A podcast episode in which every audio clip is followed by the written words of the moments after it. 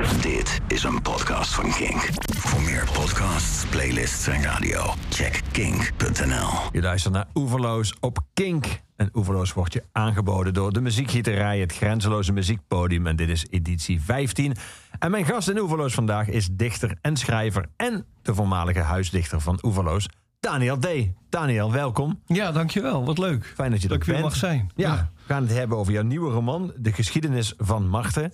Ehm, het is een tweede deel van een eh tweeluik, eh, waarin, eh, waarin Rotterdam ook een belangrijke rol speelt. Ja.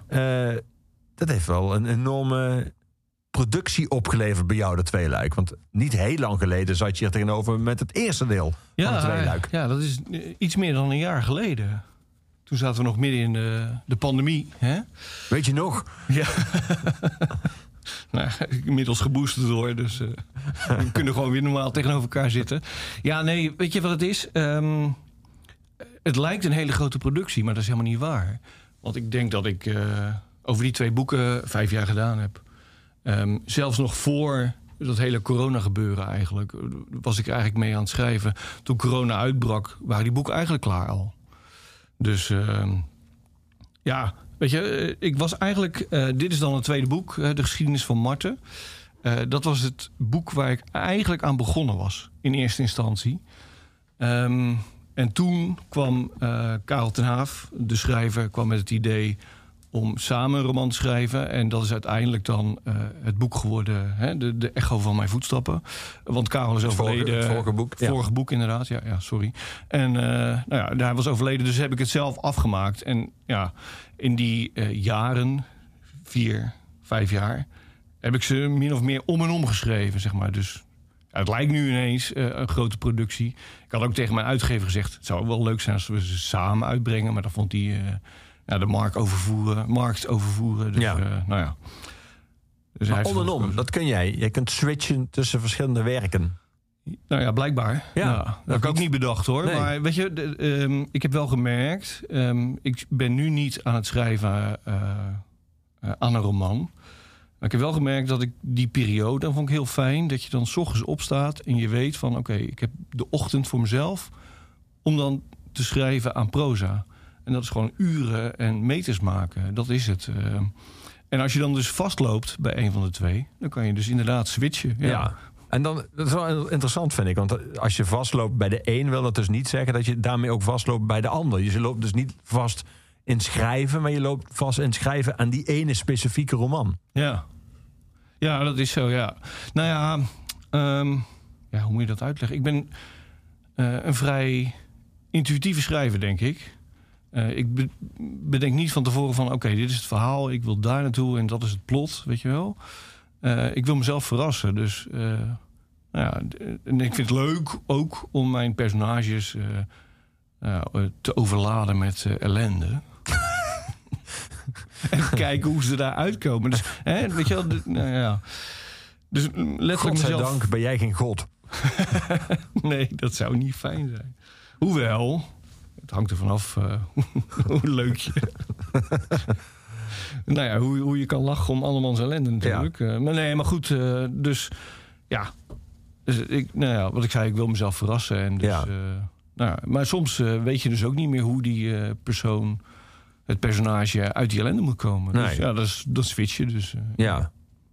Je had aan het begin van, je, van je roman haal je, eh, eh, citeer je Nick Cave, die, eh, een, een tekst van Nick Cave over de geesten die ons bezoeken. ja. Ehm, dat is ook wat in jouw roman aan de hand is met de hoofdpersoon die als hij niet drinkt, wordt, eh, dan eh, zou je kunnen zeggen, dan komen de doden bij hem op bezoek. Ja. Ehm, die tekst van Nick Cave, heeft hij jou ooit geïnspireerd door dat idee? Of was je met deze roman bezig en dacht je opeens, verdomd, dat nummer van Nick Cave of die tekst van hem, die, die, die gaat Nee, het, het is ook geen nummer, hè? Het is een, een tekst ehm, dat hij geschreven heeft eh, naar aanleiding van het overlijden van zijn zoon. En die, eh, al die zeg maar, correspondentie met fans, zeg maar. Precies. Ja. Ja. Dus eh, nou ja, dat hij toch het gevoel blijft houden, weet je wel, van nou ja, hij is er nog ergens. Ja, weet ja. je wel? Dus een soort geruststelling eigenlijk. ja. Ik vond het een mooie tekst. Ik weet niet of ik het daarmee eens ben trouwens, maar het paste goed als motto voor mijn roman. Dus daarom heb ik dat, dat, dat gebruikt. Plus, ik vind Nick Cave gewoon fantastisch. ja. Als eh, muzikant. Dus een schrijver. Ja. Je refereert zelf al vrij vroeg in je roman aan, aan die iconische film, The Sixth Sense. met dat jongetje wat uiteindelijk zegt, I see dead people. Ja. Ehm, ik kan me herinneren toen die film verscheen... dat iedereen daar ontzettend van onder indruk was. En dat het ook heel cruciaal was dat je de clue niet weggaf. En als je uh, toen, eenmaal duidelijk, toen eenmaal dat zinnetje was uitgesproken... verklaarde dat de hele wereld van, van die film. Jij geeft die clue eigenlijk uh, in jouw roman al heel, heel snel weg. De clue van Keith. Dat, dat het bij hem in de hand is. Uh, ja. ja, want daar gaat het ook niet, eigenlijk niet echt om natuurlijk. Nee. dus, en het is ook... Um, ja, ik weet niet of ik dat moet verraden. Maar het gaat natuurlijk over de, de werkelijkheid en fantasie. Ja, wat is echt waar, natuurlijk. Dat geef je op het einde ook aan, expliciet. Kiet is een, nou, laten we zeggen, zoals dat dan heet, een onbetrouwbare verteller. Ja, ja precies. Ja, ja. Klassieke onbetrouwbare verteller, inderdaad. Ja. Dus ja, daar, daar speel ik dan een beetje mee. En ehm, kijk, weet je, het, het, nou ja, we hebben het erover. Het zijn twee romans en het is een tweeluik, ook letterlijk. Um, en ze spiegelen elkaar. Want in uh, de echo van mijn voetstappen heb je een uh, hoofdpersonage, uh, Nick, die niet drinkt. Of juist wel, ja, heel veel drinkt, heel de tijd en daar helemaal geen last van heeft. In Marten, de geschiedenis van Marten, dus de, deze roman die net verschenen is, heb je te maken met een hoofdpersonage dat niet meer drinkt. Ja. Um, noodgedwongen, want um, ja, anders gaat hij dood. Maar dan krijgt hij dus last van geesten die hem dan bezoeken. En uh, nou ja, er zijn heel veel componenten die elkaar steeds uh, spiegelen. Want je hebt in uh, de, de, ene roman is het continu lente, in de andere roman regent het voortdurend. dus dat vind ik heel leuk. maar tegelijkertijd, um, thematisch, gaan ze over hetzelfde. Dus over miscommunicatie. twee personages die eigenlijk niet kunnen omgaan met, met mensen. Mm -hmm in het meest brede zin van het woord. Maar ook zeker niet met relaties. Uh, nou ja, en, en excessief. Ja. Excessieve lui. Ja. Heb je zelf een fascinatie voor excessieve lui? Ja, zeker. Ik bedoel, buiten de letteren dan, hè? Gewoon in het, ja, ja, in het dagelijks leven. Ja. Nou, ik ben het zelf een beetje. En dat is, uh, nou ja, helaas het geval. Maar uh, het is wat het is. ik ben ja, verslavingsgevoelig, zullen we maar zeggen. Dus uh, ik heb een, een, een aan- en een uitknop. Dat is het eigenlijk een beetje, weet je wel. Dus als ik iets tof vind, dan ga ik er helemaal voor. En dan uh, is dat het ja. waar ik voor ga. En dan... Die knop die vaak tussen de aan- en uitknop zit, namelijk de, volumeregelaar. Ja, de moderatie. Die ja, die volledig, ja. Dus, nou ja, weet je wel. Dus sporten vind ik hartstikke leuk. En dan uh, kan ik er daar volledig voor gaan uh, tot het misgaat. En dan het misgaat door een of andere blessure. En dan kan ik weer heel veel gaan drinken of wat dan ook. ja.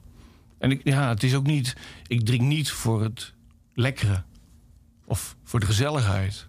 Dan ga ik gelijk voor de bijl, zullen maar zeggen. Ja, daar gaat het nog meer over. Key natuurlijk ook over uh, drank. Uh, de reden dat hij dat niet meer doet. Uh, schrijft hij...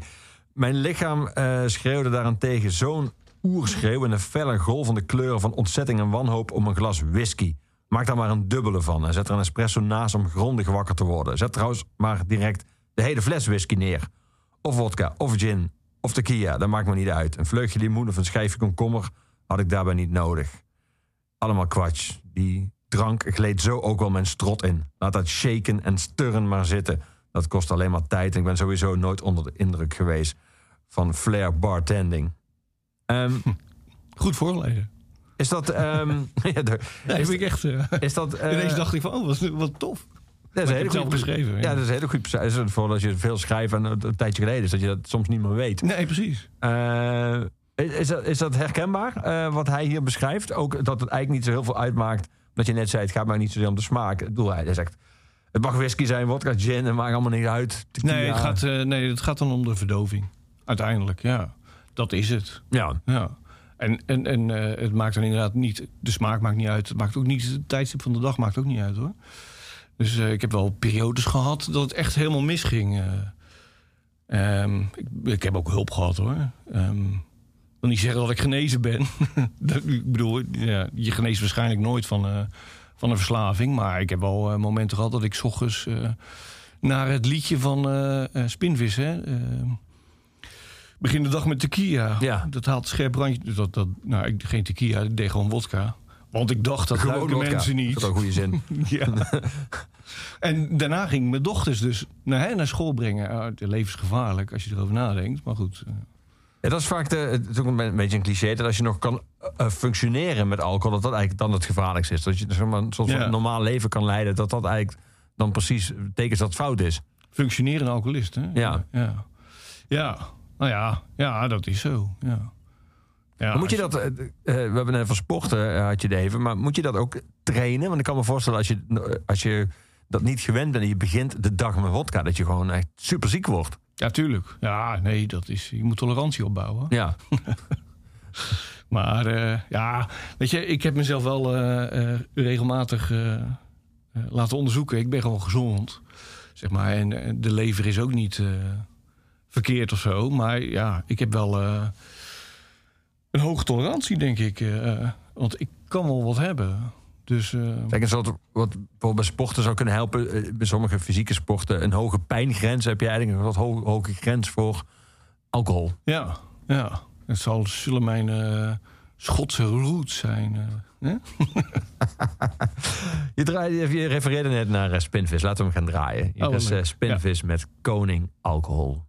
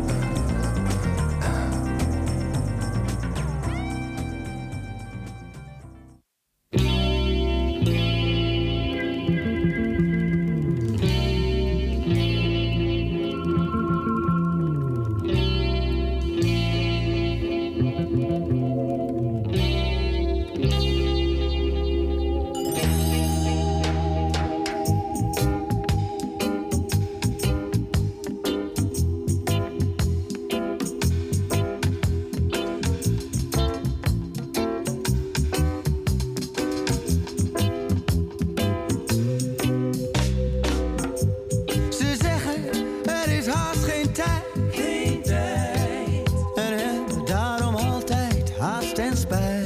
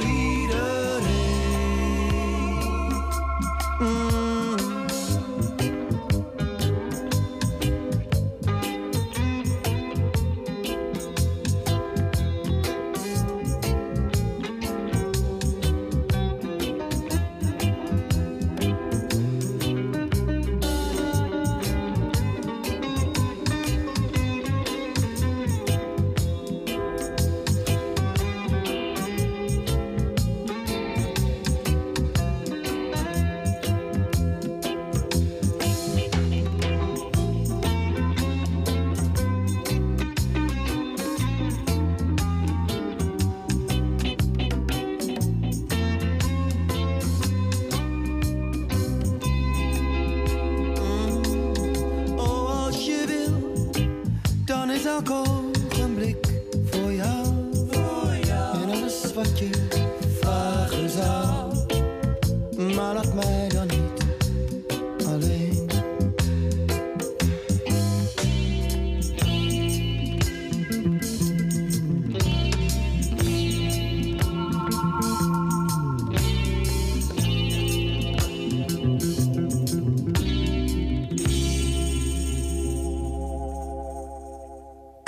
genoeg hoorde je na Spinvis van Doe Maar.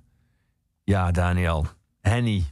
Henny. Toen was Henny er opeens niet meer. Nee, dus daarom dacht ik, eh, we gaan dit nummer draaien. En, en eh, feitelijk is dit nummer niet eens van Henny. Het is van Doe Maar natuurlijk. Ja. En eh, ik heb me laten vertellen dat Ernst Jans het eigenlijk geschreven heeft.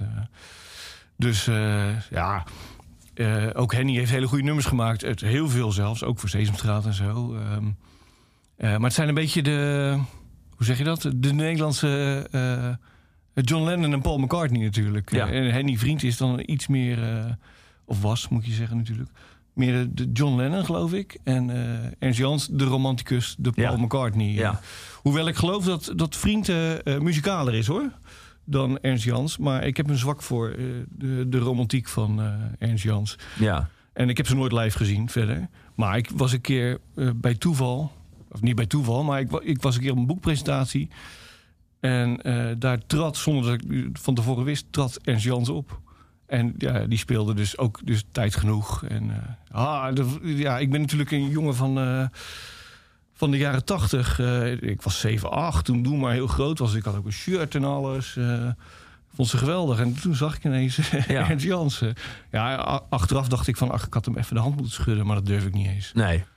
Toch hebben ze, eh, je komt uit Rotterdam en die, eh, hun eerste reunies speelden ze tien avonden in Ahoy in Rotterdam. Ja. En bij die tweede golfreunies hebben ze twee avonden in de Kuip gespeeld.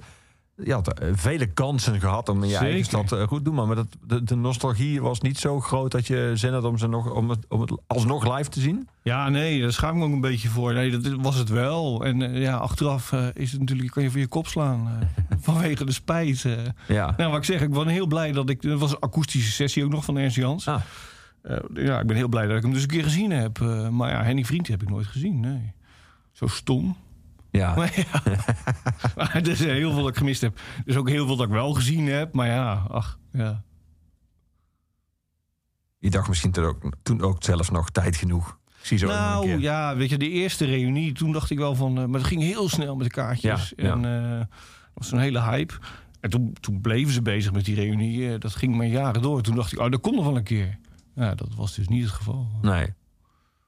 Op een gegeven moment gaat het in, jouw eh, in jouw nieuwe roman gaat het, eh, over eh, gevoelens van depressiviteit. En dan valt de zin, als het gaat over dat je af en toe gewoon heel lang moet slapen. En dan slaapt eh, over zo'n 20 uur achter elkaar.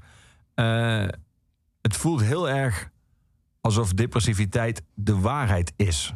Alsof je daarvoor een façade hebt opgehouden van... oh, alles is leuk, het leven is leuk. Maar eigenlijk is het helemaal niet zo. En op een gegeven moment is het... oh, dit was het, zo is het echt. Dit is het echte gevoel. Dat maakt het ondraaglijk, want dat is natuurlijk niet zo. Het is niet zo dat een depressie de waarheid is. Of misschien toch wel. Die gedachte dat eh, de zwaarste periode eh, van, je, van je mentale gesteldheid... eh, Ja. dat, dat, dat, dat die eigenlijk samenvalt met een soort van...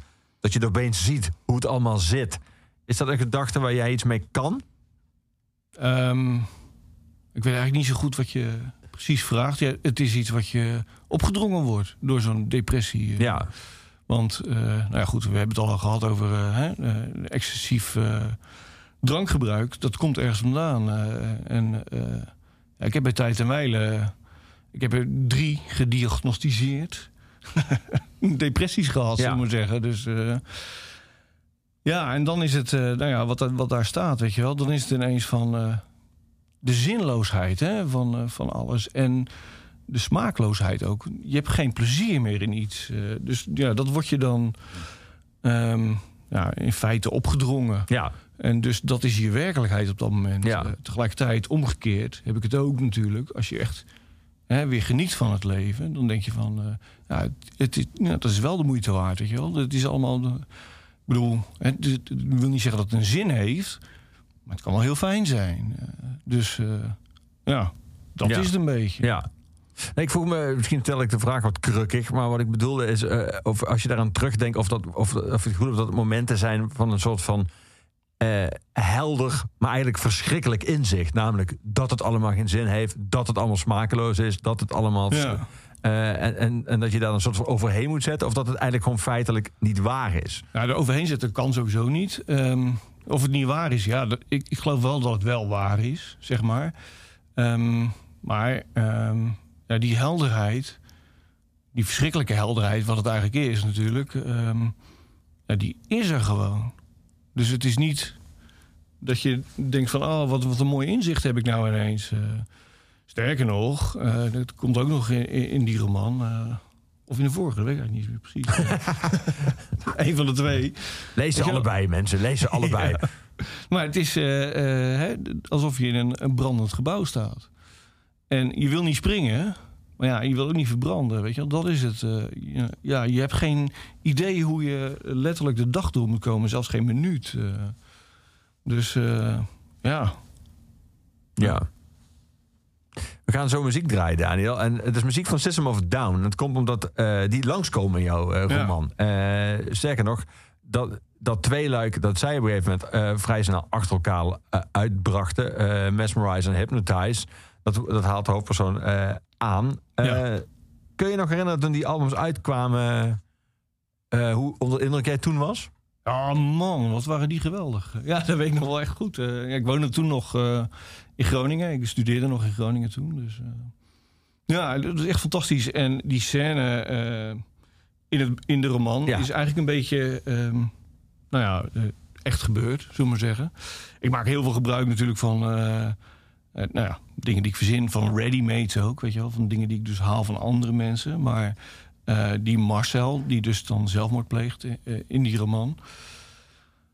Die, eh, ehm, nou ja, zo'n persoon heb ik gekend, we maar zeggen... die dat ook echt daadwerkelijk gedaan heeft... en zichzelf ook heeft verhangen in het trapgat en eh, nou ja, gevonden is... En, en hij was dus echt een, een echte metal freak. En, en een heel grote fan van System of a Down. En letterlijk, nou ja, wat was het, een week later of zo... kwamen ze dus met dat dubbelalbum. En toen dacht ik, ach jongen toch. Ja. Weet je, wat heb je nou gedaan? Dat mis je gewoon helemaal. En dat is ook een beetje, nou ja, we hebben net over die depressies gehad natuurlijk. Eh, eh, ja, je kan er helemaal in. eh, en, ik wil dat ook niet bagatelliseren, want het is verschrikkelijk en dan wil je ook niet meer. Maar je moet misschien altijd een soort, een beetje in je achterhoofd zo'n vlammetje houden van. Ja, nou ja, er komt nog wel iets beters, weet je wel. Er komt ineens System of a Down met een dubbelalbum... waarvan je achterover slaat en denkt... oh, wauw, weet je wel. Dit maakt het leven de moeite waard. Ja. Ja, het verschrikkelijke aan een depressie lijkt me dat je dat waakvlammetje dan ook niet meer ziet. Nee, zeker niet. Nee, dat is het natuurlijk ook. Je kan natuurlijk... eh, dat, dat heb je natuurlijk altijd eh, mensen die het goed bedoelen... die dan tegen je zeggen van... ach, kom op, je moet gaan sporten nu. Kom, gaan we lekker wandelen. En dat je denkt van, ja...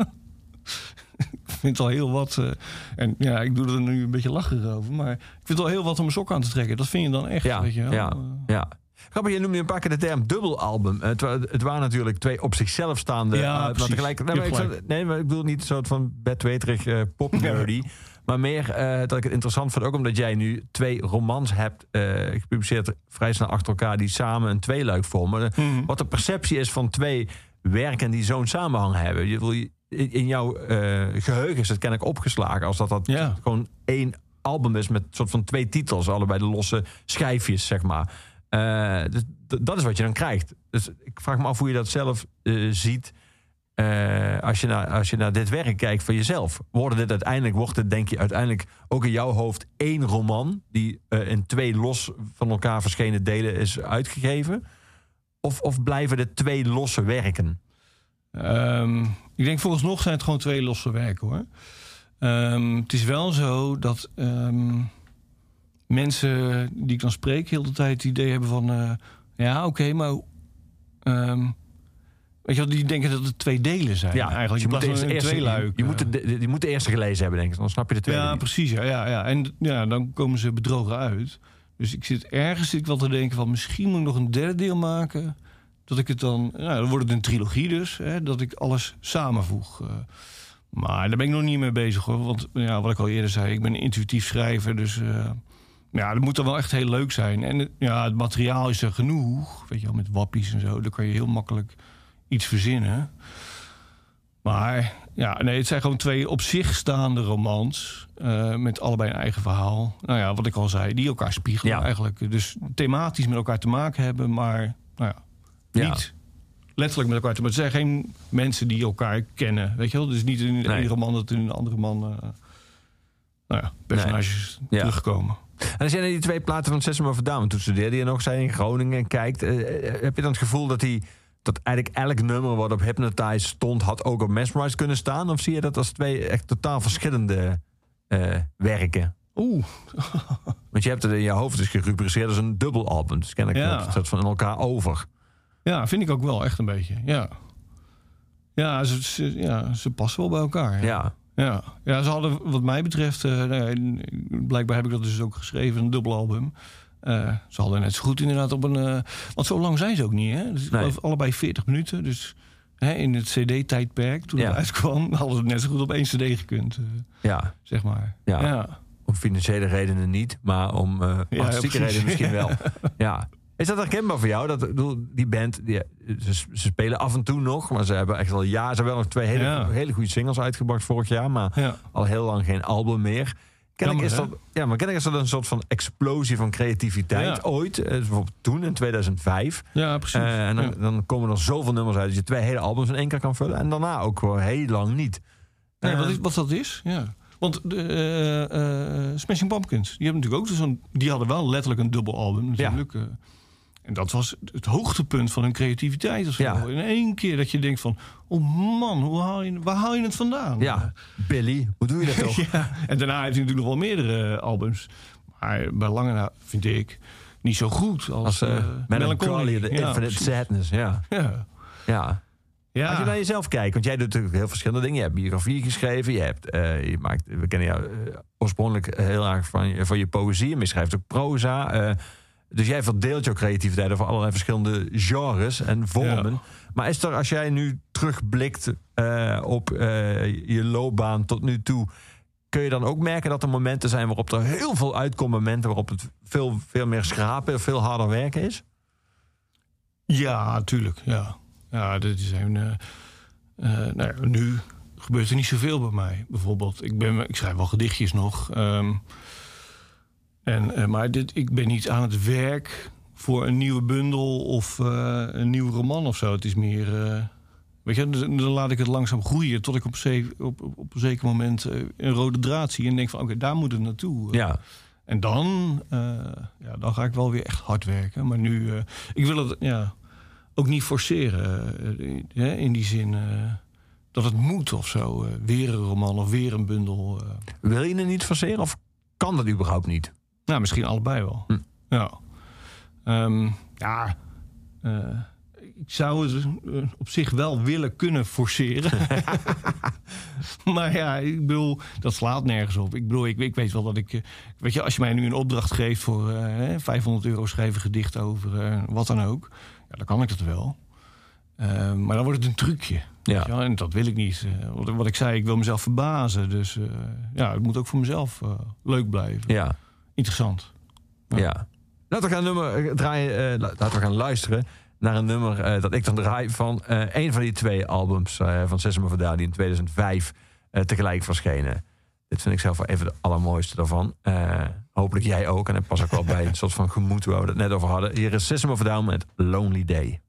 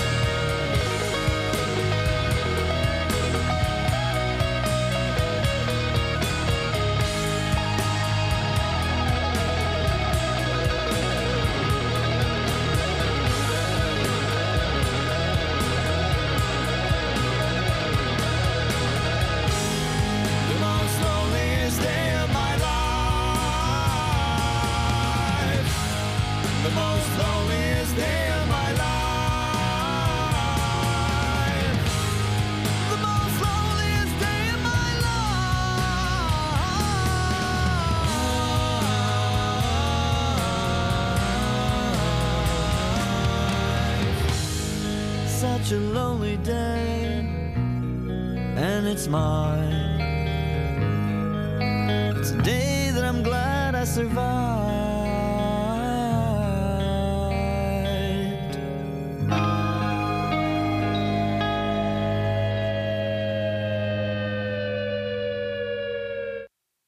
That's right, you heard right. The secret word for tonight is mud shark. And of course, with the mud shark secret word is the mud shark arpeggio. And the mating call of the adult male mud shark. mud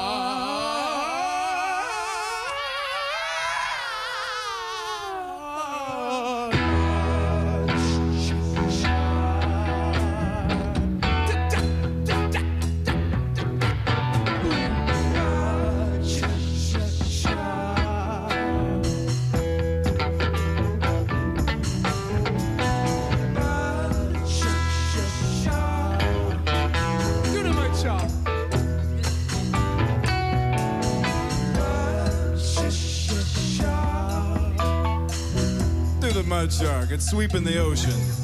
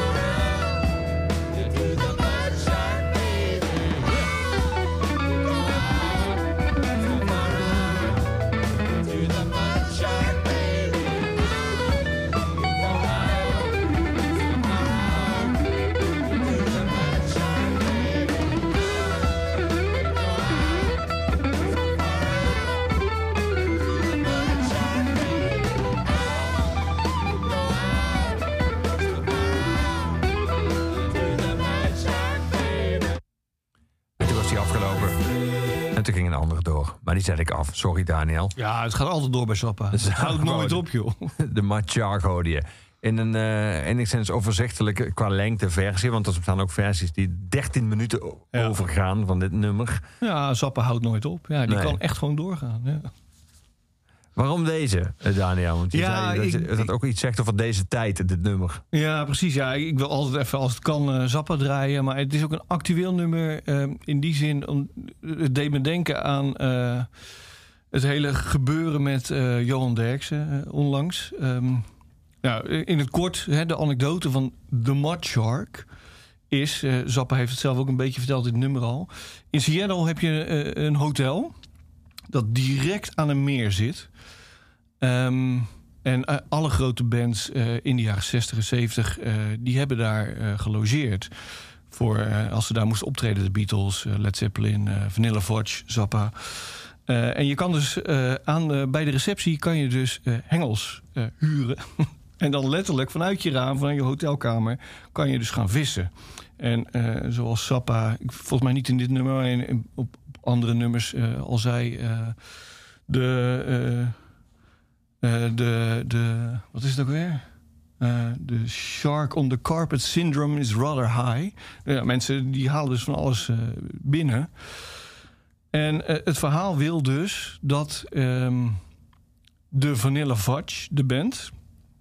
maar het kan ook Led Zeppelin geweest zijn. Het is in een mist van drugs en eh, alcohol is dat eh, niet meer helemaal duidelijk. Eh, op een gegeven moment een keer een, een meisje eh, mee hadden genomen naar hun hotelkamer... En eh, haar hadden eh, vastgebonden. Ze had rood haar. Dat is dan wel waar iedereen het over eens is. Voor de rest weet niemand meer iets van haar. Eh, maar vastgebonden, naakt op bed. En met de haai die ze gevangen hadden...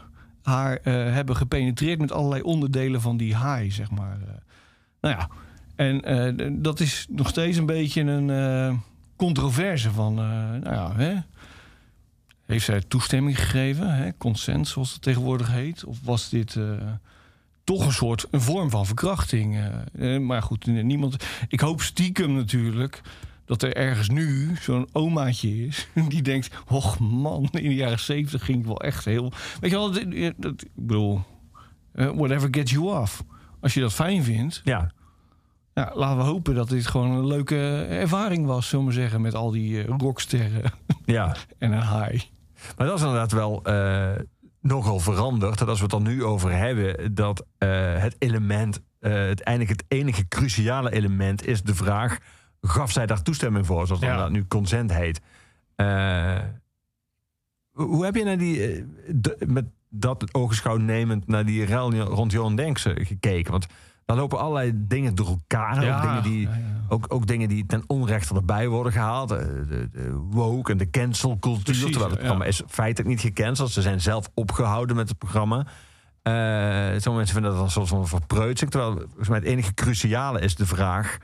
eh, heeft de vrouw waar het over gaat hier toestemming voor gegeven? Nou, gezien het feit dat ze volgens zijn anekdote... die er, die hij daarna bijstelde op weinig geloofwaardige wijze... nog, Ja. eh, bewusteloos was, is het antwoord daarop dus nee. Nee. Eh, en dat, ja, dat zou bij dit Shark-verhaal natuurlijk eigenlijk ook het enige cruciale moeten zijn. Want dat meisje, ja. of die jonge vrouw, was die bewusteloos of niet? En als het niet was en ze was erbij, zei ze toen ja graag of zei ze dit wil ik niet? Ja, Ja, dat is natuurlijk, ja. ja maar ja, wat je al zei, eh, die, eh, nou, als je dan toch eh, die analogie van de madshark eh wil aanhalen, het is de, de hele discussie vermodderd natuurlijk. ja. Om te beginnen, Derksen zegt iets, ehm, maar hij is natuurlijk nog niet veroordeeld. Ehm, wat is waar, wat niet, weet je wel. Het kan ook een beetje, nou ja, toch jolig, nou, dat weet ik eigenlijk niet. hoor. Ik geloof wel dat, het, nou, dat hij het wel serieus meende. Zeg maar, hè, Ja. dus dat het geen, geen verzinsel is. Ehm, nou, dan, dan is het kwalijk natuurlijk. Ja. En daar moet hij, ja, voor, als het waar is, ehm, gewoon voor veroordeeld worden. Ja. Ehm, Maar is het ook niet, want die had op een gegeven moment, hij een scène in jouw boek eh, waar eh, op een gegeven moment, ik zal- ik zal het even eh, citeren. Ik weet het, mannen die elkaar advies geven over de liefde slaan de plank altijd valikant mis. Vaak komen we sowieso al niet verder dan te roepen, het is gewoon een hoer. Eh, dit is eigenlijk, vind ik, kort samengevat, wat er bijvoorbeeld aan zo'n tafel bij eh, dat programma gebeurt. Ik denk Ja. dat Johan Derksen, wat ook vrij dubieus, want hij doet het om een soort van eh, de mishandeling, de vermeende mishandeling door Johnny de Mol te downplayen. Zegt hij, Ja, was zegt- het daarom? Ja, Ja? dat, Ja, daar begon het mee. Zegt hij eigenlijk Oh, van, oké, nou, we hebben allemaal, helemaal gezien, we hebben allemaal eens dingen gedaan die achteraf gezien niet zo handig waren. Dan wil hij dit verhaal vertellen, maar dan, nou, laten we even het welwillend behandelen. Eh, dan wil hij iets vertellen waar hij achteraf gezien niet trots op is.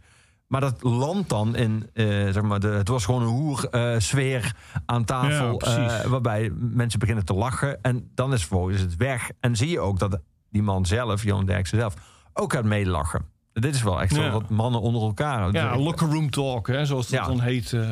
ja, weet je, ik heb die hele scène... Ik heb alleen maar een kort stukje gezien, dus ik wist niet dat hij eh, het had over eh, de mol. Ja, dat was de Ehm, aanleiding. ja, precies. Hè, ja. Ik dacht zelf namelijk van, nou misschien zegt hij dit nu ehm, als een soort van openheid van, weet je wel, we hebben allemaal stomme dingen gedaan. Dat was, dat was het ook. Het was dus, de aanleiding was Johnny de Mol. Ja, en, vervolgens kwam die o- op een soort van... Nou ja, als we allemaal naar ons verleden kijken... dan hebben we allemaal dingen die gedaan die we... een soort van eerlijk, toch? Eigenlijk wel. Zeker, eh, aanvankelijk wel. ja. Alleen vervolgens zou je, zou je kunnen zeggen... kan het interessant worden om te zien hoe je daar dan op zelf op terugkijkt... op reflecteert. En, maar dat gebeurt niet. Want het Nou, wordt het ging uiteindelijk... niet echt spijt eh, getoond. Nee. Eh, tenminste, het werd inderdaad wat je zegt. Er werd lacherig en er werd een honkbalknuppel bij gehaald Ja. door die gijp. En, eh, ehm, ja, en, ja, dus dan zijn het mannen onder elkaar, weet je wel. Ehm, ik wil dat niet vergelijken met de scène uit de roman eh, per se. Eh, hoewel dat het wel een mooie scène zou kunnen zijn in de roman. Maar hier zo gaat het dan echt over... Ja, weet je wel, mannen zijn gewoon horken. Ja. Nou ja, goed, die- die Derks is dat, heeft dat ook laten zien... dat hij echt een hork is natuurlijk. eh. En eh, onhandig en eh, niet kunnen aanvoelen wat de tijdsgeest is... of de temperatuur van een kamer, zullen we maar zeggen. Weet je wel. Eh, Nou, de temperatuur van zijn kamer is natuurlijk die, gewoon die van de voetbalkantine... waar hij op dat moment op televisie live in zit eigenlijk. ja, Alleen, precies. Ja. en, ja, dus die temperatuur heeft hij op zich wel goed gemeten. ja, precies. Ja. Alleen ja, er is nog een wereld daarbuiten. Ja. Ja. Kijk je dat wel eens trouwens? Nee. Ik heb het nog nooit Ik gekeken. ook niet. Nee. Ik ben ook niet zo van de voetbal hoor. Maar Feyenoord is wel door trouwens. Dat dan weer wel. Ja, een gegeven moment, eh, eh, je hoofdpersoon die gaat ook eh, vanwege die, laten we zeggen, vervloekte gaven van hem in contact met, met de doden, gaat hij seances geven. En Ja. schrijft op een gegeven moment, schrijf je, het grootste probleem tijdens een seance is een man die zich vaak bij voorbaat al ontpopt als de grootste cynicus, de onmogelijke bedweter. Al vindt hij dat zelf dat hij een realist is. Ik geloof er geen jota van, geen klap, geen sikkepit, wat een flauwekul. Altijd gaat zo'n man gekleed in een overhemd, vaak geruit, dat netjes in de broek is gestoken, zodat zijn bierbuik wordt geaccentueerd. De bril op zijn hoofd geeft hem geen geleerd uiterlijk, maar eerder, eerder een verbeten trek. Niet zelden is zo'n man, zo'n kerel kalend of reeds kaal. De weerzin straalt van het hoge voorhoofd. Ik zag ze meteen voor me, die mannen. Ja. alleen omdat ik zelf kaal ben. Maar eh, Je hebt eh, ook een geruis overhemd aan. ook nog, ja, nee, momenteel, precies. ja. Ja, nee, klopt. Ik heb Ah, het is wel een mooie trouwens. Maar goed, dat je. terzijde. Maar eh, in die zin komen sommige. Je zei het al van. Beide romans gaan eigenlijk over het, onvermogen van eh, mensen om werkelijk te communiceren en werkelijk met Mhm. elkaar in contact te treden. Maar de, de mannen, de ene helft van die mensen, komt er toch niet altijd even goed af in jouw eh, romans. Als we het hebben over dat boys will be boys sfeertje, dat bij zo'n programma als vandaag Mhm. Inside eh, zo ja, voor heel veel mensen deel van de aantrekkingskracht was en uiteindelijk ook heeft geleid tot het ondergang van dat programma. Is het bij jou zelf het denken over ons, over, over de man, over jezelf als man, is dat de afgelopen jaren ook veranderd? Ehm, ja, in die zin, ehm, gek genoeg, ehm, dat ik erover na ben gaan denken. Dus dat is al. Het is niet veranderd, het is begonnen. Het is begonnen eigenlijk. Ja, nee, maar ik meen serieus. Ik bedoel, ik heb mezelf altijd wel, en nog steeds, als hetero man gezien. Witte hetero man, en inmiddels 40 plus. Weet je wel? Dus ehm, ja, dat verandert niet. Maar wel eh, de positie waarin je verkeert, zullen we maar zeggen. En eh, nou ja, de, de ellende die je dus kan aanrichten. Ik wil hierbij gelijk eh, helder stellen dat ik nooit eh, een kaars ergens ingestoken heb zonder dat iemand dat eh, prettig vond. Dus zo is het niet. Maar het is wel zo natuurlijk dat wij. ehm, nou ja, het, het is niet verkeerd om daarover na te denken. nou ja, waar je staat, dus überhaupt. En het is een beetje raar eigenlijk dat ik het pas ga doen als ik bijna 50 ben. Ja. Ben je het ook gaan doen omdat je een dochter hebt? Ja, ik heb, ik heb twee dochters. Ja. Ehm, en dat speelt zeker mee. Eh, een Surinaamse vriend van mij die zei: dat is karma. Om alles wat je daarvoor gedaan hebt, krijg je nu twee dochters. Eh, nou ik wil niet zeggen dat ik daarin geloof, maar ehm, het, het, het, het heeft mij wel eh, aangezet om. Weet je, ja, je moet er niet aan denken. Weet je, dat het hele verhaal met zo'n kaars dat het je eigen dochter is. dat lijkt me vreselijk. Ja. Ja. Groeien jouw dochters, denk je, op in een wereld die eh, anders is? eh, als het gaat over man-vrouw verhoudingen en zelfbeschikkingsrecht van vrouwen, eh, dan de wereld waar jij en ik zijn opgegroeid? Ja, het is natuurlijk, de, de wereld verandert voortdurend. Ik hoop ook dat het in zekere zin beter wordt. Ehm, kijk, mijn, mijn dochters zijn nog vrij jong, hè, 9 en 12. Ehm, en ze zijn er nog niet, echt niet mee bezig. Mijn, mijn oudste dochter zegt af en toe van... Maar bijvoorbeeld The Voice, neem aan, zij dat meekrijgen, zo'n ruil met Ali B en Marco Borsato. eh en dat misschien een programma's waar ze wel een, een vroeger naar keken, of niet? nee, ze kijken daar eigenlijk niet naar. Nee, nee, niet per se, nee. Ehm, ja, ja, ze weten wel het een en ander natuurlijk van, van seks. En, eh, en, en ja... Ja, nee, mijn, mijn, ja, mijn oudste, die, eh, die, maar die zegt ook gewoon letterlijk van... ik weet niet eens of ik op man of vrouw val, weet je wel. Dus die stap hebben ze nog niet gemaakt naar... eh, dat, je, dat je samen eh, plezier kan hebben in, eh, je naakje in bed, zullen maar zeggen. Hè? Dus, eh, nou ja, je hoopt vooral dat... eh, ja, toch dat ze gewoon een gezond seksueel leven kunnen ontwikkelen, zeg maar. Eh, hoe erg het ook is, want eh, ja, de allereerste kerel... Gek genoeg, hè, want ik ben gewoon een witte man dus, blijkbaar, van bijna 50. Eh, als mijn dochters dus eh, thuiskomen met een vrouw, dan denk ik... Nou, geniet ervan, ik snap het helemaal. Als er een kerel komt, dan denk ik wel van... eh, Weet je, ik, eh, ik heb nog wel een paar kickboxvrienden. Dan gaan we met z'n allen op de bank zitten. Ja, dat is natuurlijk een beetje... Dit is, dit is locker room talk natuurlijk weer. Maar dan denk ik toch van... Oh, maar ik gun het ze wel. Rationeel. Gevoelsmatig denk ik... Je zou strenger zijn tegen het eerste vriendje dan tegen het eerste vriendinnetje. ja. Ja, laat ik zeggen, het is wel, krijgt, eh, eh, dubbel, hè, natuurlijk. eh, een dubbele moraal, maar ja. Nou ja, of misschien juist niet. Misschien omdat we, we zelf mannen zijn, weten Ja, ja, misschien is waar mannen toe in ta- staat zijn. Ja. Ja, oh, joh, daar wil ik niet eens over nadenken nog. 12 en 9 zijn ze nog, hè? Dus, ah, met 12 gaat het ook snel, hoor, trouwens. Maar goed. Laten we muziek gaan draaien, Daniel. muziek, waar zij, houden zij van rock?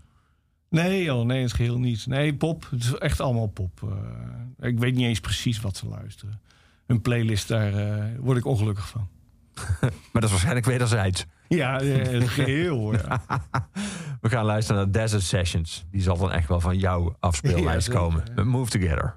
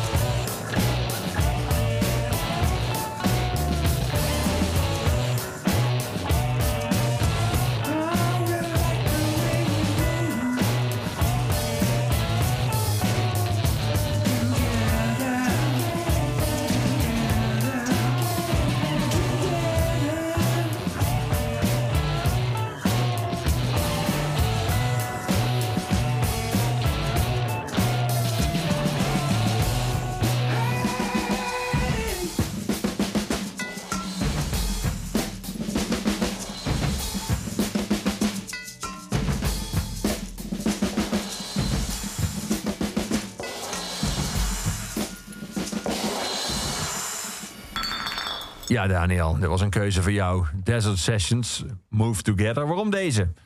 Ja, Desert Sessions is natuurlijk gewoon een heel leuk idee. eh, dat je gewoon met muzikanten gaat samenzitten en dan wat gaat maken. Ja, en echt van Polly Jean Harvey tot eh Ja. Mark Lanigan. Ja, Eh, ze komen allemaal voorbij eh, in, al die verschillende, op al die verschillende platen. ehm. en dit, dit nummer, eh, omdat ik de tekst gewoon geestig vind. Ehm, maar eh, ook omdat Les Claypool de bas speelt. En eh, Les Claypool, de, de bassist, zanger van Primus. Is toch een beetje het beentje dat ik eh, hè, na Zappa vrij hoog heb zitten. Die zit altijd in mijn top 10. eh, als die naar Nederland komen, ga ik wel even langs. en ik ben een beetje met ze meegegroeid. Want ja, midden jaren 90, eh, nou ja, we hadden het er net al over. Je hebt ze al eerder gezien, begin jaren 90. Maar in midden jaren 90 eh, heb ik ze leren kennen. En toen was het nog ja, vuige rock, zullen we maar zeggen. En dat was precies wat ik toen nodig had, als jongeling. Ehm, maar ja, langzaam maar zeker, vooral Les Claypool natuurlijk... eh, die heeft zich ontwikkeld en in, in een bepaalde richting... ehm, die ik helemaal snap. Ja. Ik ben een soort met meegegroeid. Weet je wel, dat psychedelische wat hij doet met, eh, met de zoon van John Lennon. Ehm, ja, dat snap ik helemaal. eh. en, en de soloplaten die hij maakt, met al die rare verhalen. Want zijn nummers zijn eigenlijk altijd verhalen. Ja, ja, ik vind het fantastisch. Eh, ik ben altijd benieuwd wat hij doet. ja. Spelen zij nog veel van het oude werk uit, uit de jaren negentig... Waar, jij, waar bij jou de liefde begon? Ja, gisteren, nee, eergisteren, toevallig in Amerika. Ik was er niet bij, maar ik zag het op YouTube. Iemand had het gepost. eh, begonnen ze gewoon met eh, eh, Spaghetti Western. eh, een nummer van Frizzle Fry. eh, Ja. Het tweede album van ze. Derde misschien. Maar goed, het is zo'n zo'n zo'n oude wetse. Eh, maar er is altijd wel weer in een... eh, dat vind ik dan ook leuk. Weet je, altijd wel heel creatief. Altijd weer in, in een net ander jasje of zo. Ja, ja. denkt ah, ik ken het wel. Maar ja, oké. Ik ken het niet zo. Ja, precies. Ja. ja op een gegeven moment staat er een passage in... eh, als het gaat over de hoofdpersoon en, en, en Hanne... we hadden reeds ons leesvoer, een roman in mijn geval... de smartphone in Hannes geval... op onze kast, nachtkastjes gelegd en de bedlampjes uitgeknipt... toen Hanne een arm om me heen sloeg... en haar naakte lichaam tegen mij aandrukte. Ehm, wat ligt er bij jou op jouw nachtkastje? Vroeg ik me af toen ik dit las. Ben heb jij nog een stapel boeken of dikbundels? Ja, ja, heel of, veel. Of ben jij s s'avonds eh zijn telefoon met de Instagram-filmpjes en, Nee. eh, en Netflix, Nee, nee, heeft hij het verdrongen? Nee, daar ben ik echt blijkbaar te oud voor. Dat wil ik helemaal niet. Nee, ik heb, ik heb heel veel boeken. Standaard ligt daar ehm, vanwege de, de, de digitale wekker ehm, op het nachtkastje. Zodat ik hem kan zien. eh, de Bijbel en het verzameld werk van Kafka. zodat, ik, zodat hij net iets hoger staat. dus dat ligt er standaard. Maar nee, ik heb altijd boeken naast mijn bed eh, liggen. Dus eh, Dus digitale wekker is het enige digitale op jouw nachtkastje.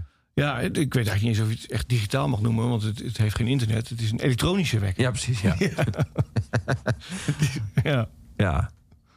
Dat lijkt me op zich wel eh, een fijn gevoel dat je dat eh, gemist hebt. In de zin van dat jij nog gewoon de concentratie kan opbrengen om langdurig te lezen. Wat steeds minder mensen gegeven is. Ja, nou, het is wel zo. Ehm, ja, dat heb ik wel. Ehm, maar tegelijkertijd heb ik ook te weinig tijd. Ik vind het ook altijd heel fijn om, om op vakantie te gaan. Er zijn mensen die dus op vakantie gaan en dan van alles gaan ondernemen. Actieve vakanties. Bergbeklimmen, weet ik veel. Kanoën. Maar ik, ik wil gewoon een... eh? Passieve vakantie. Ja, ik wil een stoel.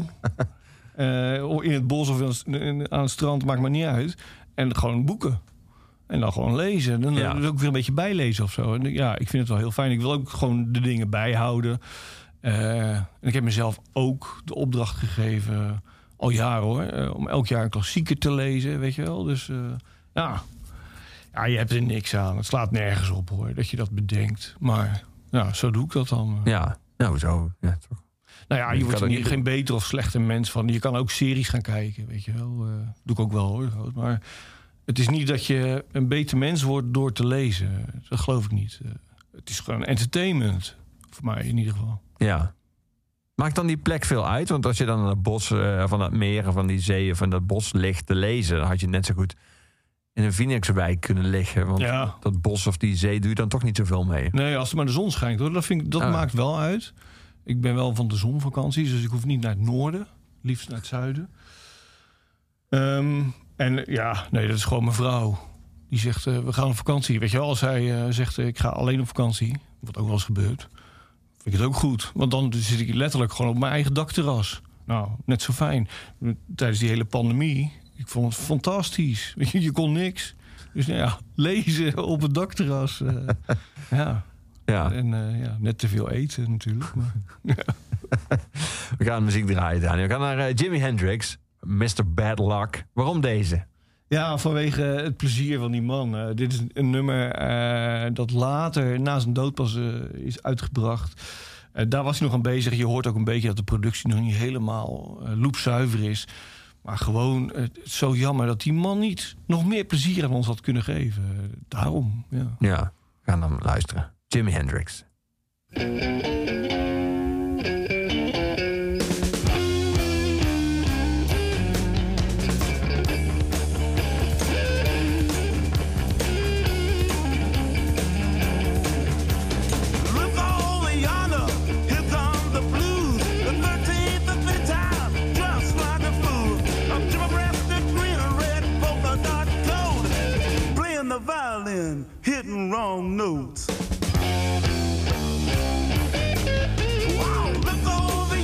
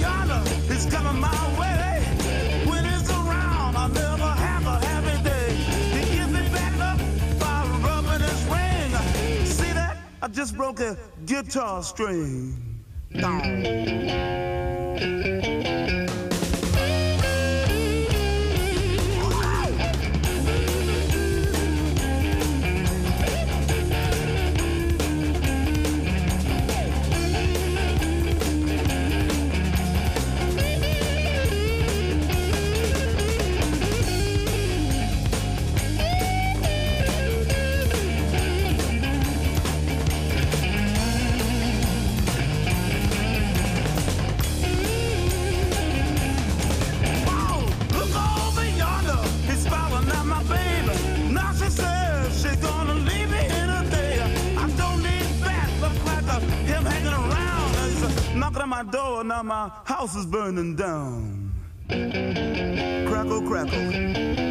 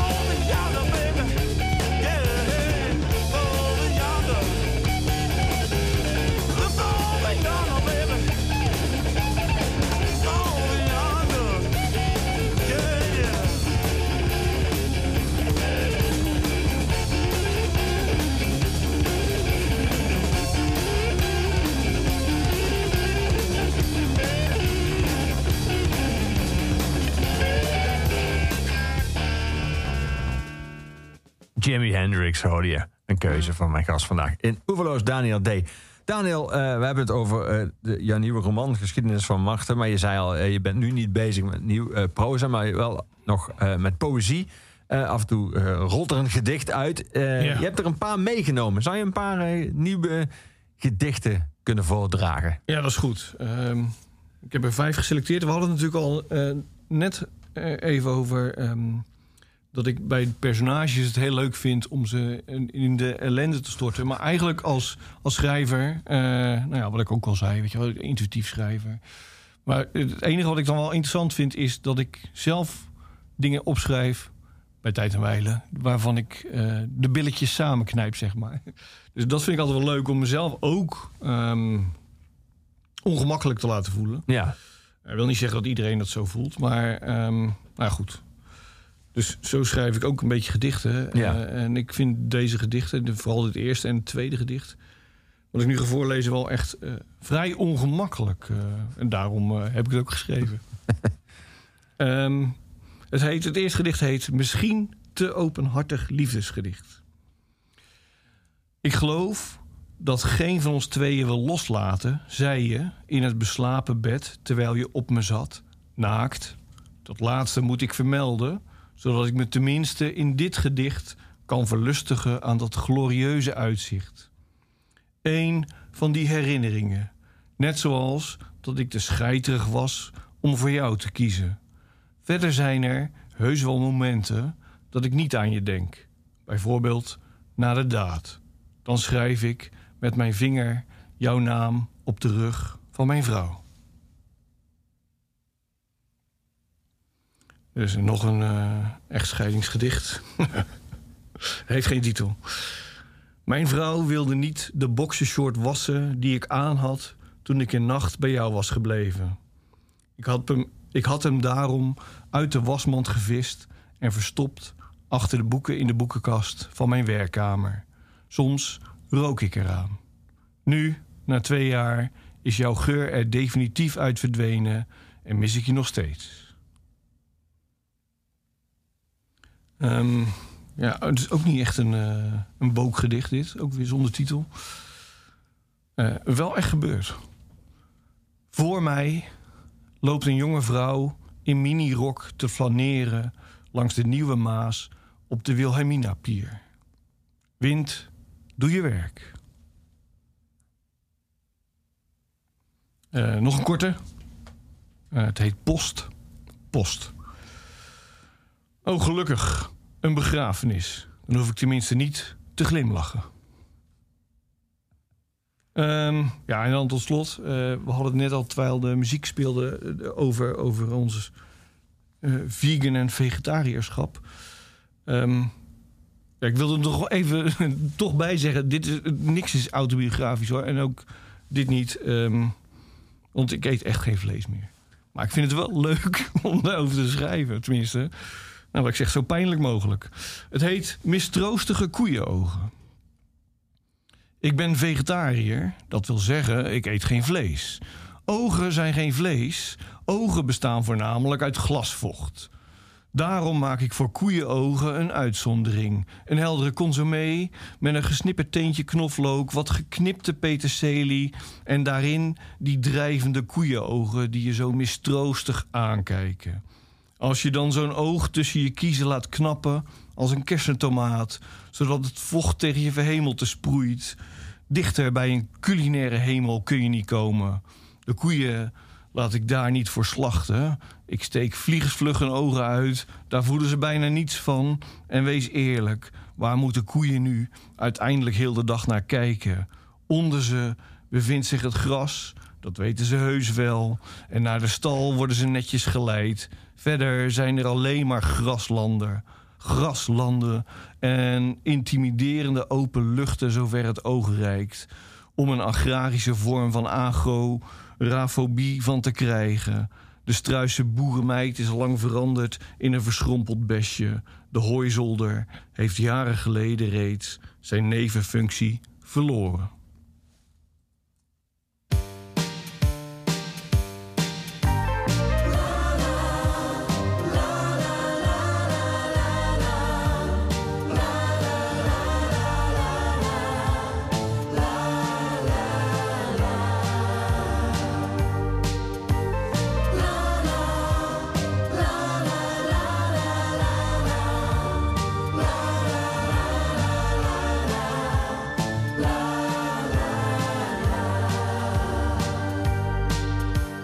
Dance me to your beauty with a burning violin.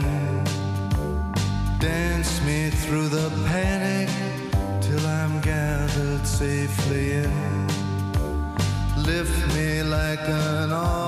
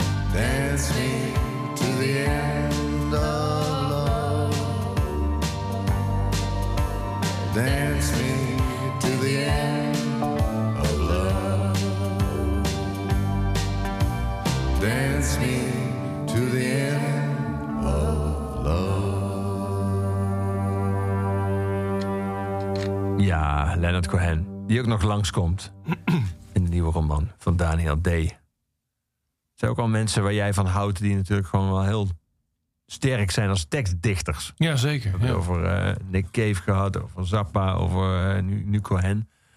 Eh, kun je redden bij jou als muzikant met een hele middelmatige tekst... als je er maar hele goede muziek onder zit? Oh, zeker. Ja, Oké. ja, ja, Love Me Do hè, van de Beatles. De Beatles zijn sowieso niet echt hele goede tekstdichters hoor. Ehm, nee, ja, dit- ik bedoel, ik, ik hou wel eh, van nieuwe muziek ontdekken sowieso hoor. Dus eh, ik wil niet per se in een hokje zitten, maar ik hou wel van eh, jankende gitaren. Vind ik altijd heel mooi. Ja. Blaasmuziek. Als er goede saxofoon of iets dergelijks in de muziek is, vind ik geweldig. En toch ook, ja, ik zal het niet ontkennen natuurlijk, als het textueel interessant is. Ja. Ja. ja. Schrijft je roman... de mens is uiteindelijk niet meer dan de som van zijn ervaringen. Of eigenlijk van wat hij zich daarvan weet te herinneren. En herinneringen worden per definitie vervormd door de tijd. Kortom, de mens is niet te vertrouwen, ergo, je hebt er niets aan. Wederom, kortom, beter is het maar de kust en bij voorkeur ook de mens, dood of levend, te vermijden. En vervolgens komt eh Leonard Cohen door de duinen aangeschokt bij je hoofdpersoon, de geest ervan. Ehm, dat Ja. idee van eh, herinneringen vervormen eh, door de tijd. Jij hebt samen met eh Karel ten Haaf, je noemde al, met wie je een eerste versie van het, het eerste deel van het tweeluik bent begonnen aanvankelijk. Heb je een biografie geschreven van vechtsporters. Ja. Merkte je dat toen? Dat zeg maar het geheugen, en als je met mensen sprak, met hunzelf en met de mensen om hen heen, dat iedereen zich hele andere dingen kan herinneren. Of Ja. dat je denkt, van, maar dat is helemaal niet zo. Want ik heb die en die gesproken en die zei dat het eh, zo en zo ging. Ja, ook, ook onderling hoor trouwens. Want eh, wij zijn inderdaad die biografieën, die, die sportboeken gaan schrijven. en later heb ik het er wel eens over gehad. En toen zei ik, dat was jouw idee, eh, Karel. En toen zei hij, nee, ik weet nog dat wij in dat gala waren in Amsterdam.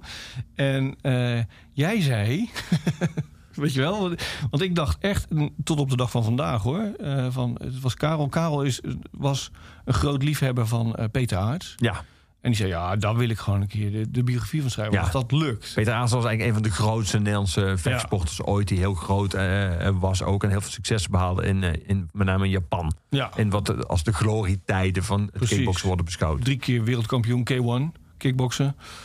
Ehm, ja, en hij wordt inderdaad gezien onder de, de kickboxers als nou ja, iemand die gewoon echt vecht. Weet je wel? Dus die niet eh, terugdeinst voor wat dan ook. Dus, ehm, en dat zei Karel toen op dat gala. Van, nou, het zou mooi zijn als wij die biografie konden schrijven. En, eh, maar Karels versie was van nee, waar jij zei...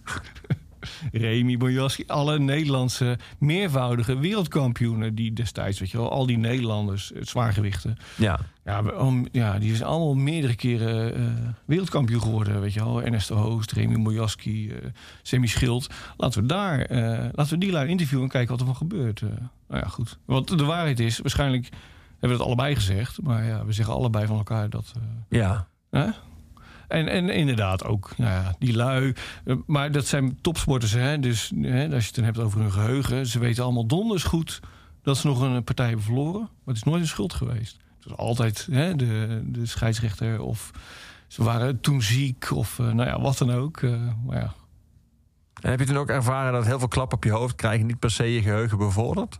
Of had je die indruk niet dat dat meespeelde? Nee, ik heb nog steeds hoor, want ik, ik zie ze nog wel eens. Ik heb niet het idee. Ja, het is natuurlijk gewoon een feit hoor. Ik bedoel, ik zal het niet ontkennen natuurlijk. Eh, te veel klap op je hoofd is hoe dan ook niet gezond voor je.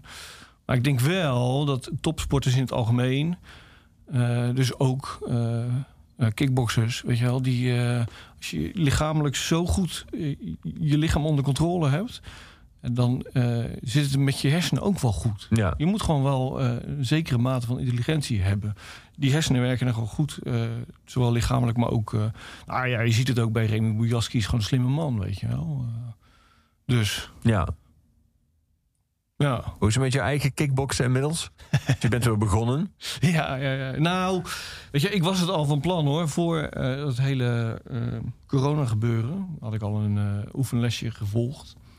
Ja, en toen kwam dus die lockdown en ja, dat versloft dan. En in december, voor de laatste lockdown, toen ben ik echt weer eh, fanatiek gaan trainen. En eh, dat is drie maanden lang goed gegaan. eh, en ik was ook wel echt redelijk weer fit. tot nou ja, een, maand geleden. Toen kreeg ik een, een trap op mijn, op mijn ribben. En ik heb nu twee ribben gebroken. Dus ik zit al een maand lang nou ja, weer aan de kant eigenlijk. en dus niet, niet te trainen. En ja, daar baal ik wel heel erg van. Want ik vond echt dat ik, ik had het idee dat ik weer op het goede spoor zat, zeg maar. Eh, Ja. En eh, ja, nu dus even niet. eh. Twee gebroken ribben. ja, ik wist het ook niet hoor. Want En komt er nu nog een soort van... eh, you should have seen the other guy? Of... Nee hoor, nee, het Nee. geheel niet. Nee, maar weet je wat het ook is? Weet je wel, wat ik al zei, ik ben al bijna 50 en ik wil gewoon graag meedoen nog. En ja, die jongen is gewoon, was twee keer, ruim twee keer zo jong. eh, weet je wel, een ventje van 23. en dan weer je dan helemaal eh, opgedroogd, eh, netjes afgetraind. Veel, vele malen sneller en sterker. En nou ja, goed, er zat een jury met drie man en ik wilde toch wel een beetje indruk maken. Dus ik dacht, ik doe zo'n achterwaartse eh, heel kick. Dat kan ik eigenlijk niet zo goed. Maar als die goed gaat, dan is die mooi. Maar dat ging dus niet goed. Ja, toen lag ik. Ja, ik had geen verdediging meer. Ik lag helemaal open. Dus ja, die trap kwam eraan en ik voelde hem. En ehm, heb acht tellen genomen. Dat moest ook wel, want echt alle lucht was ook uit mijn longen geschopt. En ik wist gelijk al van: oké, hier krijg ik s'nachts uh, last van. En de volgende ochtend werd het ook dik. Toen dacht ik, nou laat ik toch maar eventjes. Ik werd ook een beetje gedwongen door mijn vrouw van naar de, de huisarts gaan. En die zat een beetje te voelen. Zei die, ja, is wel dik. Ga eens rechtop zitten. En dat is sowieso al ongemakkelijk, weet je wel. Omdat je dan zo eh, je shirt uit hebt bij zo'n man. En die legde zijn eh, ene hand op mijn borst en de andere op mijn rug. En die drukte als een accordeon tegen mij aan. Nou, ik ging kapot. En hij zei, ja, laat maar foto's nemen dan in het ziekenhuis. Oei, oei. ja. Ja, en ook in het ziekenhuis, dan zit je na die foto's moet je weer terug naar de wachtkamer. En dan krijg je dus hè, de, de uitslag. En ik zag zo her en der, kwam zo'n arts en die zei dan tegen zo'n meneer van... eh, ja, eh, het is niet gebroken, je kunt naar huis. en toen zei hij, eh, nou, kwam de, de arts die die foto's van mij nam, die, die liep naar mij toe en die zei... nou zo, meneer D, komt u maar even mee. Toen wist ik al van, ja, dat is niet best. Nee. Eh, ja, ja, twee ribben gebroken. En, eh, Ja, ik heb er heel veel over geklaagd, maar ik ontken alles. En je kan er toch een soort van om lachen nu. Ja, en ook ja, lachen zonder dat je meteen pijn hebt. Ook al fijn. Ja, ja, ja. Nee, het is inderdaad een maand verder en eh, het geneest wel echt. Ehm, ik ben me wel bewust nog steeds van eh, die plek. Dat voel ik heel de tijd. En normaal gesproken als je ademt eh, heb je dat niet door. Maar ja, de eerste weken eh, lag ik gewoon eh, ja, op de bank en eh, deed echt werkelijk alles zeer. En Ja, ja, ja. veel pijnstillers genomen, nu niet meer. Nee. Dankjewel dat je er was vandaag, Daniel. Ja, dat was mij genoegen. Waar genoegen. De geschiedenis van Marten, het tweede deel van eh, Daniels tweeluik, is nu uit, ligt nu in de boekhandel. En je ziet hem meteen, want hij ziet er heel opvallend uit. Ehm, deze oeverloos werd je aangeboden door de muziekgieterij, het grenzeloze muziekpodium. En het laatste nummer is voor de opvolger van Daniel D., onze postuumhuisdichter, eh Luc de Vos, die altijd het laatste woord krijgt. En we hebben het over alcohol gehad, we hebben het over het niet drinken van de hoofdpersoon van de geschiedenis van Marten gehad. Dus welk nummer kunnen we beter draaien ter afsluiting van deze oeverloos? Dus dan Luc de Vos met Ik heb in mijn jeugd als een beest gezopen.